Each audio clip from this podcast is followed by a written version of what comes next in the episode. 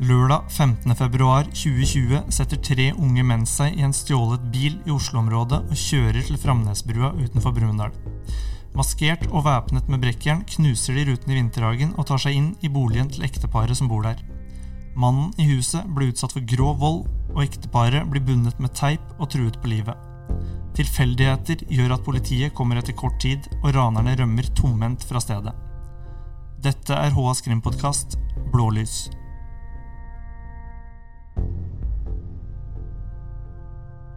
Trond Svendsen, eh, nå har det vært eh, rettssak etter det grove ransforsøket ved Framnesbrua for snart to, eh, to år siden. Det er to dager inn i rettssaken, som det er satt av hele uka til. Hva har vi hørt så langt under rettssaken?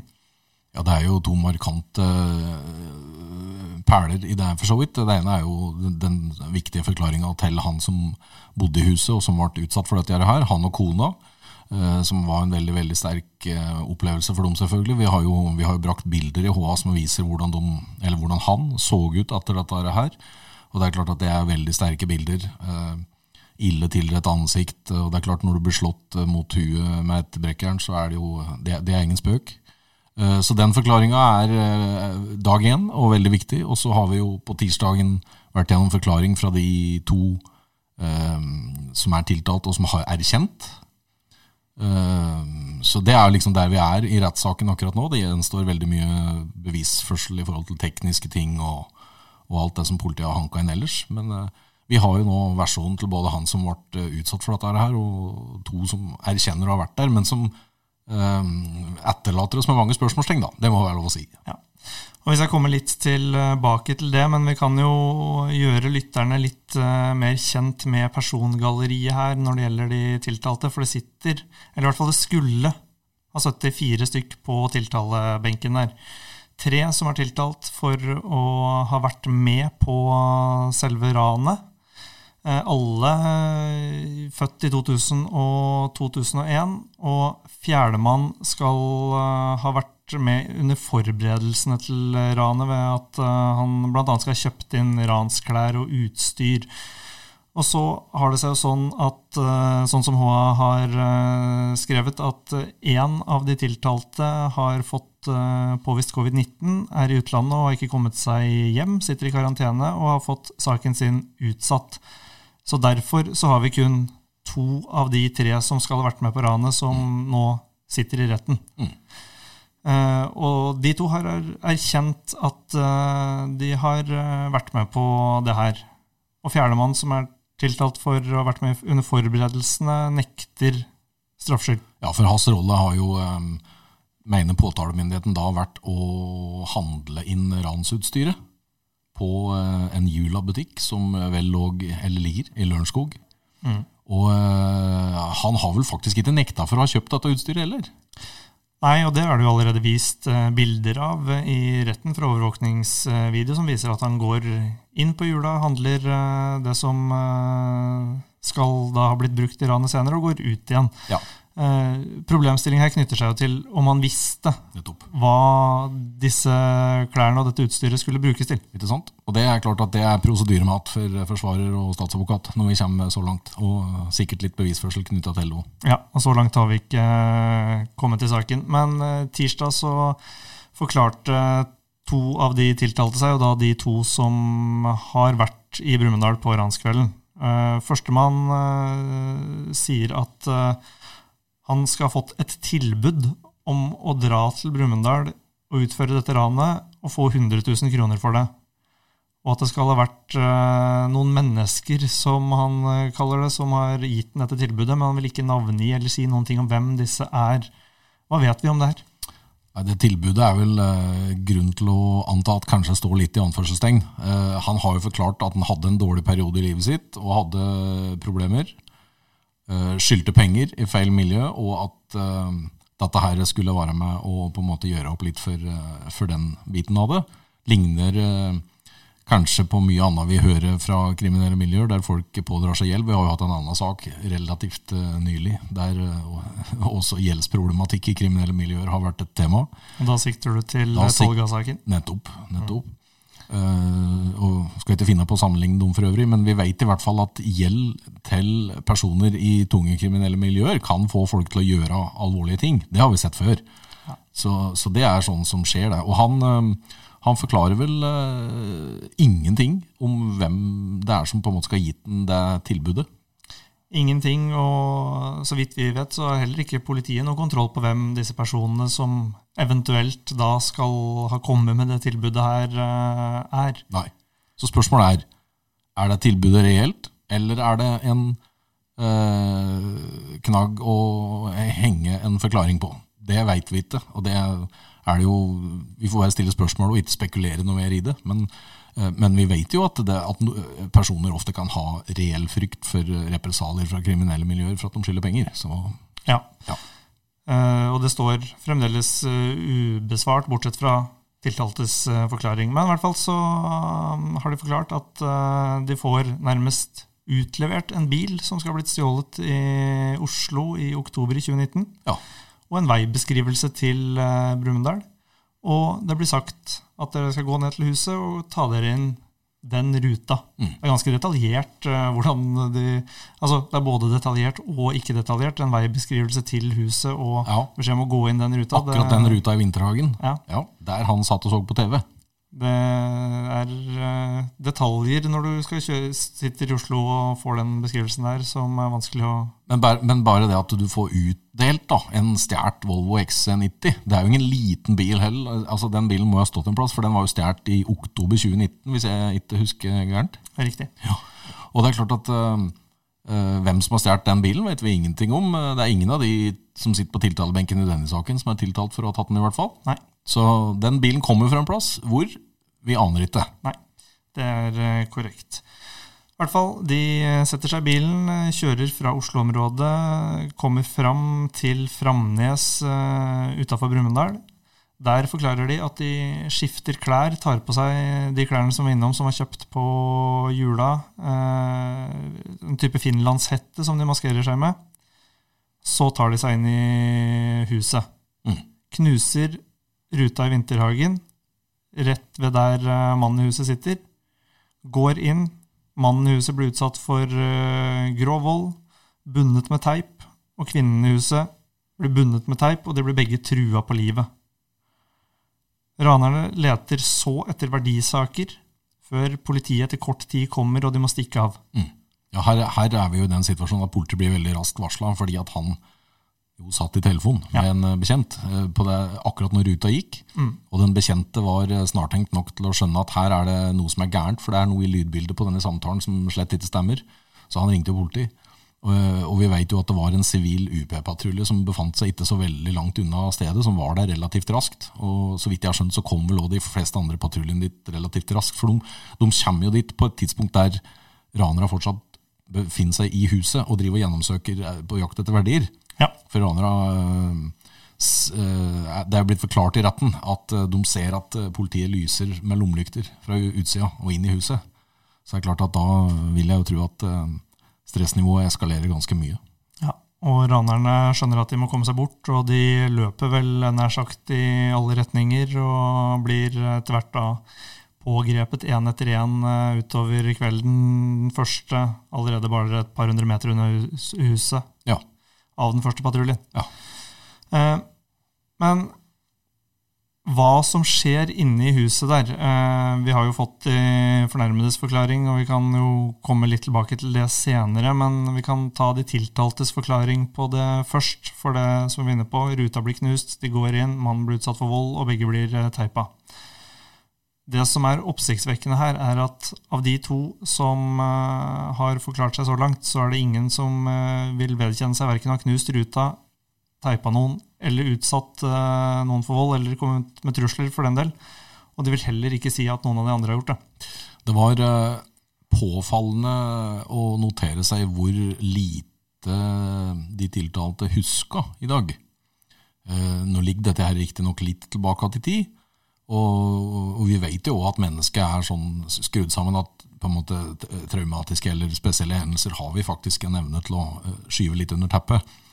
Men de husker svært lite og eh, legger jeg til vel til for egen regning her, ofte husker de i en slik retning at deres eh, rolle i hvert fall ikke blir oppjustert, da. Nei, og så husker de jo en del om hva de selv mener de har gjort, eh, eller ikke har gjort, men eh, vil ikke si noe om hva andre eventuelt har gjort. Mm. Og er veldig tilbakeholdne med å Og det sier de jo selv også, at de vil ikke snakke om hva de andre har gjort. Nei, og det vi, det vi ikke veit, etter å ha hørt de to av de tre som fysisk skal ha vært i huset, er hvem er det som slår?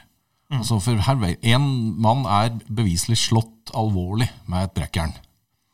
De to som har forklart seg i retten på tirsdag, Eh, sier begge at det ikke var dem.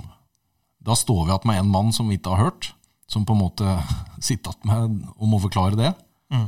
Um, og Så er spørsmålet om de da gjennom å huske lite gir oss hele bildet og hele sannheten av det, eller om det mangler betydelige biter uh, i deres forklaringer. Ja. Og både aktor Torbjørn Klundsæter og dommeren har eh, henstilt de om å, om å forklare seg grundig for retten i dag. Det at de velger å ikke gjøre det, hva kan det på en måte ha å si for uh, saken deres? Det er klart at uh, de erkjenner jo. De erkjenner straffskyld. Ja. Så det skal de på en måte ha betalt for. Men så er spørsmålet i hvilken grad de uh, utover det bidrar til det som kalles sakens oppklaring. da.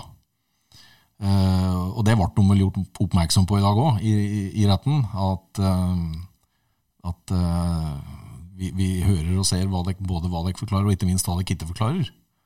Og det er klart at nå, I de neste dagene så kommer det jo teknisk bevisførsel, taktisk bevisførsel og sånne ting som det som er sagt i retten, vil bli sammenholdt med. og hvis, hvis du skulle være i den situasjonen at vi får bevisførsel som kan knytte dem til volden, og de sier at de ikke slo, så har vi jo en problemstilling. Ja. Og det er vel på en måte en slags grense, for selv om, om du erkjenner, så er det en grense for hvor forbeholdent du kan for, forklare deg uten at det igjen får betydning for den strafferabatten du ja. har for erkjennelsen. Det er klart at graden av strafferabatt den vil uh, reduseres. Mm. Mm. Vi har uh, tatt en prat med aktor uh, Torbjørn Klundsæter etter tirsdagen i retten, så la oss høre på det. Statsadvokat uh, Torbjørn uh, Klundsæter, uh, hva kan du si om hva som har vært viktig for påtalemyndigheten å belyse i retten i dag? I dag så har vi begynt forklaringen til de tiltalte, og da er det å belyse for så vidt det som har skjedd, men også hva slags roller den enkelte har hatt. Både når det gjelder planlegging og gjennomføring av ranet. Har dere en klar formening om hvilke roller de ulike har hatt? Ja, vi har det. Eh, og i den grad det har noen betydning om det er noen rolleforskjeller, så har vi også en oppfatning av det. Men det er sånne ting som kommer tilbake til i prosedyren. Så hørte vi eh, de fornærmedes eh, forklaring på rettens første dag på mandag. Huseieren sier jo da at det, det, det, her var jo en lørdagskveld i februar. Han har satt seg ned i lenestolen i vinterhagen og plutselig så hører han et brak bak seg. Han beskriver det som at det høres ut som at taket eksploderer. Og han snur seg rundt og ser de tre mennene her komme inn i huset. Og han sier at han skjønte med en gang at det var snakk om å leve eller å dø. Det er sånn han forklarer det fra de første sekundene når de tar seg inn i huset. Uh, og så skjer jo alt dette som vi har vært inne på. Han blir uh, slått. det har blitt lagt fram bevis eh, for at eh, det er eh, sakkyndige som mener at det skal brukt en hard gjenstand for å slå huseieren. Trolig da et av de brekkjernene som det er funnet blod på. Og av bildene vi har vist, så ser vi at han er ille tilrett. Hva kan vi si om det de opplevde den kvelden her? Det er jo en ekstremt traumatisk episode. Må huske på at her sitter jo folk og opplever dette som på ingen måte er forberedt på at det skal skje. Altså Den glassruta som ble knust, eh, er ei veldig stor rute. Så at han øhm, opplever den lyden som at det skjer noe veldig dramatisk, det skjønner jeg veldig godt. For at når, du kan tenke deg hvis du mister et kjøkkenglass i gulvet. Bare lyden av det er ofte ganske svær, og her er det ei rute som er over en meter høy, tror jeg. Så det er klart at, at den har forårsaka mye lyd og må ha vært et kjempesjokk når den gikk. Og, og han er jo slett ikke forberedt heller ikke sant, på at det skal komme personer inn i stua di. Det kan jo tenke meg det sjøl, hvis du sitter og ser på Dagsrevyen eh, en kveld, og så, og så smeller det på den måten. Det er en uhyre dramatisk episode. Mm. Og så får han jo det slaget. Blodet fosser. Vi har sett bilder fra inne i huset også som vitner om at eh, han har blødd mye. De blir teipa på hender og føtter. Eh, de får gaffateip over eh, øynene. Så de ser jo heller ingenting av hva som foregår rundt seg. Eh, kona var, var oppe i andre etasje, men hører bråket, går ned trappa. Blir beordra ned på gulvet og bundet eller teipet opp, eh, hun også. Og så blir det da trua på livet mens ranerne leter etter verdisaker i, eh, i huset. Ja, her er det bare å forestille seg, prøve i hvert fall, å tenke eh, Når kroppen din da befinner seg i en tilstand av eh, sjokk Jeg vet ikke om medisinsk om det er riktig å bruke den termen, men vi bruker nå ordet sjokk litt sånn løst. Og, og så samtidig mister du kontrollen. Altså, du ser ingenting, du har ingen mulighet til å forsvare deg. Og det er klart at det må jo ha uh, skapt en enorm frykt, tenker jeg, i, ja. hos dem som ble utsatt for det. Og når du sitter der, du har jo ingen anelse på om redningen kommer. Eh, de har jo ikke fått varsla politiet sjøl. De, de vet jo ikke at politiet er varsla, så de vet ikke at de er på tur. Sant? Og det de forklarer, er at etter hvert plutselig bare blir stille. Mm. Og da finner mannen ut at han skal prøve å rømme, og klarer å ta seg ut av huset. Løper langs uh, Mjøsa, som han beskriver, mm. til han møter politiet. Og politiet vet jo ikke da helt hvem han er, og han får beskjed om å løfte hendene over uh, huet. Ja, pol politiet gjør det de eh, er trent i å gjøre. De, de møter en person i en høyst unormal situasjon på et uh, mulig åsted og prøver å ta kontroll på vedkommende. Slik jeg har forstått det, så får de relativt, god, eller relativt fort uh, kontroll på at han er et offer i denne saken. Ja, ja. Det, det gjør de jo. Eh, og så var vi litt inne på det i stad, den telefonsamtalen han hadde med kameraten. Han eh, beskriver at han satt og snakka med denne kameraten over telefon, og idet ranerne kommer inn i huset. Og det er jo da kameraten skjønner at noe skjer ut fra de lyda han hører før telefonsamtalen blir brutt. For telefonen blir ganske kjapt knust. Ja. Eh, så han kaster seg på telefonen til politiet, og det er det som gjør at politiet er der kun etter få minutter, og som gjør at gjerningspersonene må stikke av. Og det, det, er et, det, er et, så grunnleggende element i denne historien her. Han som sitter i den andre enden av den telefonen og som varsler. Fordi at denne saken kunne sett veldig veldig annerledes ut. Eh, det kan godt hende politiet hadde pågrepet disse her ranere etter hvert, men sjansen for at de hadde kommet seg derifra, er i hvert fall veldig mye større. Sånn at, eh, at, han som satt i den samtalen, er så snarrådig, det gjør at denne historien ser sånn ut som den gjør. Mm. Og huseieren har jo sagt at han uh, må takke denne kameraten for at han er redd av livet hans. Han frykter jo at han faktisk kunne dø hvis ikke han hadde fått varsla politiet og at de kommer så tidlig. Ja, og det er jo ikke, det er jo ikke rart med tanke på hva han har vært utsatt for. Vi har jo sett i retten bilder av alle blodfunna som politiet har lagt fram. Og det er jo funnet ganske betydelige mengder blod flere plasser. Ja. Um, vi har uh, også tatt en prat med bistandsadvokaten til de Tore Müller eh, Famestad, i retten tirsdag, så vi kan også høre på hva han har å si om hvordan de har opplevd uh, hele den historien her. Nå har eh, rettssaken vart i to dager. De fornærmede forklarte seg i går eh, som bistandsadvokat. Hva kan du si om eh, hvordan de har opplevd den perioden her? Ja, De fornærmede har jo gruet seg til denne saken i to år nå. Og jeg tror at begge føler en viss lettelse for at saken nå er i gang, og at de har kunnet forklart seg for retten om det de har opplevd. Kan du si noe om hvordan de har hatt det i tida etter ranet? Ja, Ranet har jo preget dem. De er traumatiserte begge to. Eh, det betyr bl.a. at de, de har eh, et, ja, et, vanskelig eh, forhold til det å være hjemme.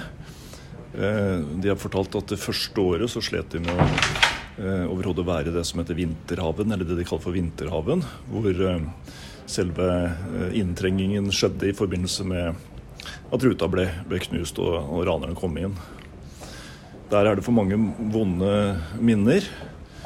Eh, og disse gjør at det er vanskelig å, å, å være der. Hvordan eh, ser de på framtida nå som eh, saken etter hvert er over? Ja, de forsøker jo å normalisere sitt, hverdagen. Det betyr jo at de tenker at livet skal gå videre, og at de skal holde drift i selskapet Stabburmat AS, som, som de driver med salg av, av spekemat. Som vi hører, så har det jo vært krevende for de fornærmede i saken her. En ting vi ikke har vært eh, innom ennå. Eh, det har blitt sagt at eh, ranerne trua med en pistol under ranet. Den fornærmede skal ha fått satt denne pistolen mot hodet og beskjed om å kjenne på den, og spørsmålet om han visste hva det var.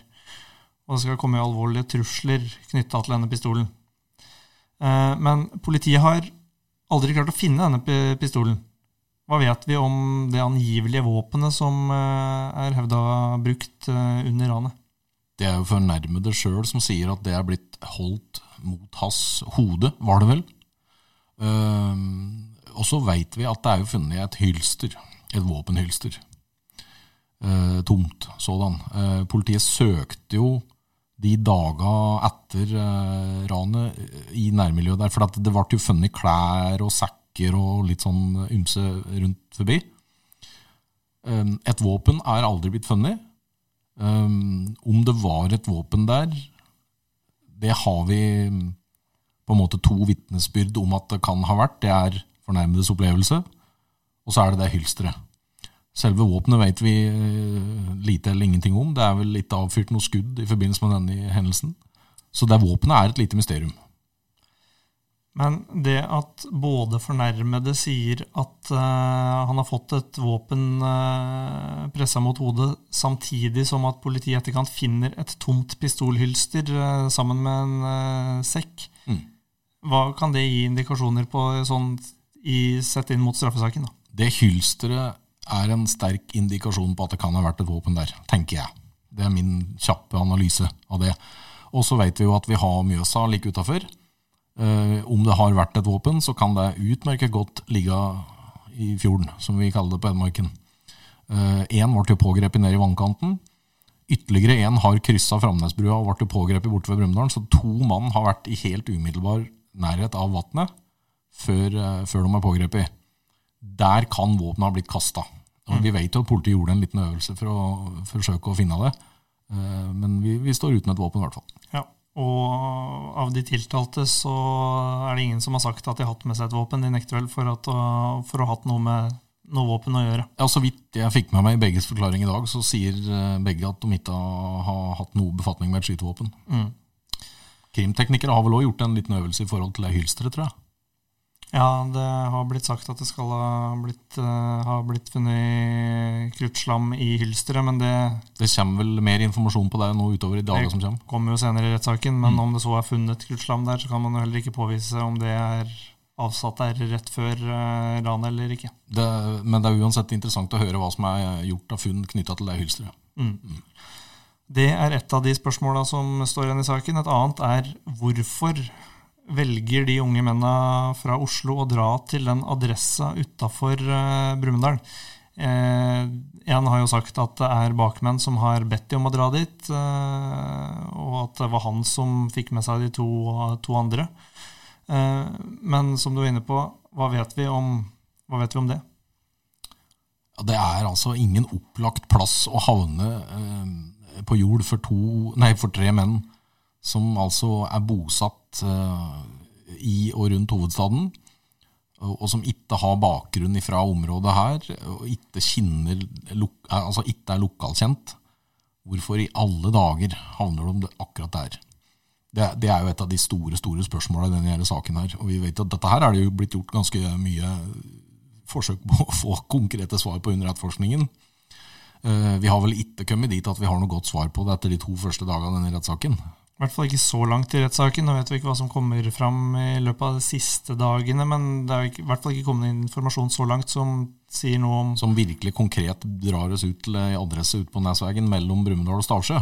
Ikke sant. Og der kan det jo være kun de tiltalte som sitter med det endelige svaret, og når de ikke har sagt eh, noe om det, så kan vi ende opp med en situasjon der vi aldri får det svaret. Ja, altså hvorfor, på, hvorfor oppsøker du denne mannen eh, og denne dama på den adressen? Hvorfor i alle dager?